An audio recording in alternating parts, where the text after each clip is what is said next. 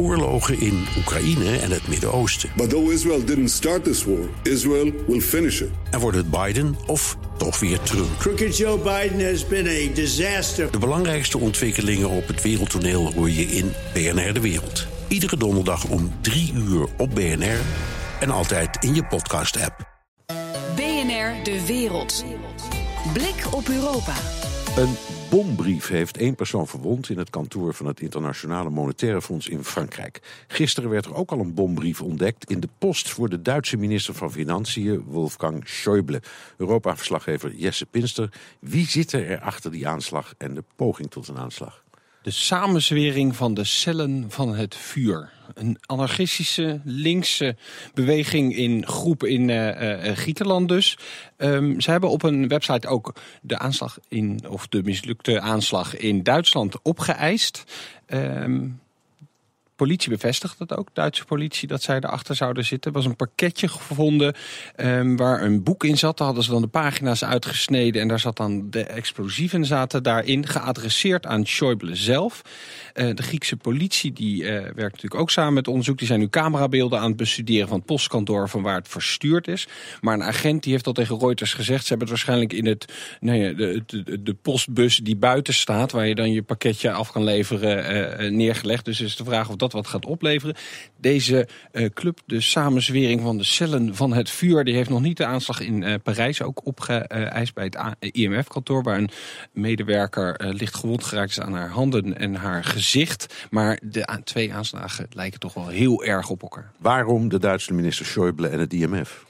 Nou, om een understatement te gebruiken, uh, de Grieken hebben, een, hebben het niet zo op die twee. Niet op het IMF, niet op Schäuble.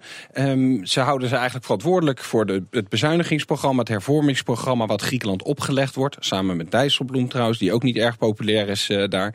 Uh, ik was er een paar maanden geleden nog en nou, in de wijk Exarchia, daar zie je ook werkelijk deze, nee, de, de, de, de haat van de muren afdruppelen in de vorm van graffiti.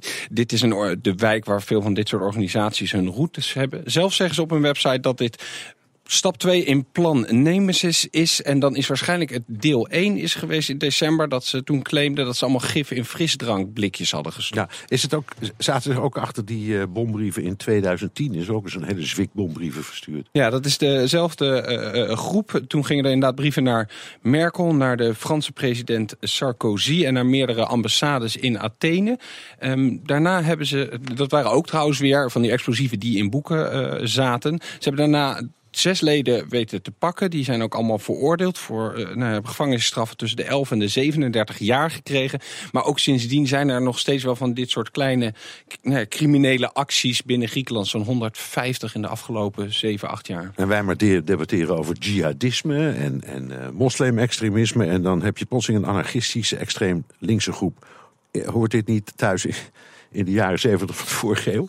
Ja, ja dat, dat, dat zou je denken, maar in Griekenland is dat niet helemaal het geval. Ik heb ook nog eventjes gesproken met historicus Kees Klok. Die woont ook deels in Griekenland, kent het land erg goed. En hij zei, ja, weet je, die aanslagen op banken, op regeringsgebouwen, internationale winkelketens, die horen er hier een beetje bij. En ik vroeg hem, ja, waarom is dat nou juist in Griekenland zo? Nee, zijn theorie is een beetje dat je een, een hele grote tegenstelling tussen links en rechts hebt. Echt een polarisatie daar. Je hebt natuurlijk de groente gehad, eind jaren 60, begin jaren 70. Uh, het kolonelsregime.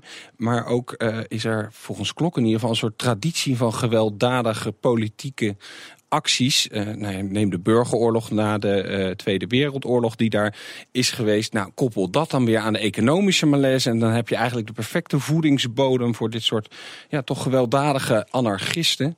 En uh, nou ja, ze waarschuwen op hun website nog eens: wij zijn woedend, niets is voorbij, alles gaat door. En dat geldt voor jou ook trouwens. Dankjewel, Europa-verslaggever Jesse Pinster. Ook Harm Edens vind je in de BNR-app. Je kunt BNR Duurzaam niet alleen live luisteren in de app, maar ook terugluisteren als podcast, zoals al onze podcasts. En naast dat de BNR-app Breaking News meldt, houden we je ook op de hoogte van het laatste zakelijke nieuws. Download nu de gratis BNR-app en blijf scherp.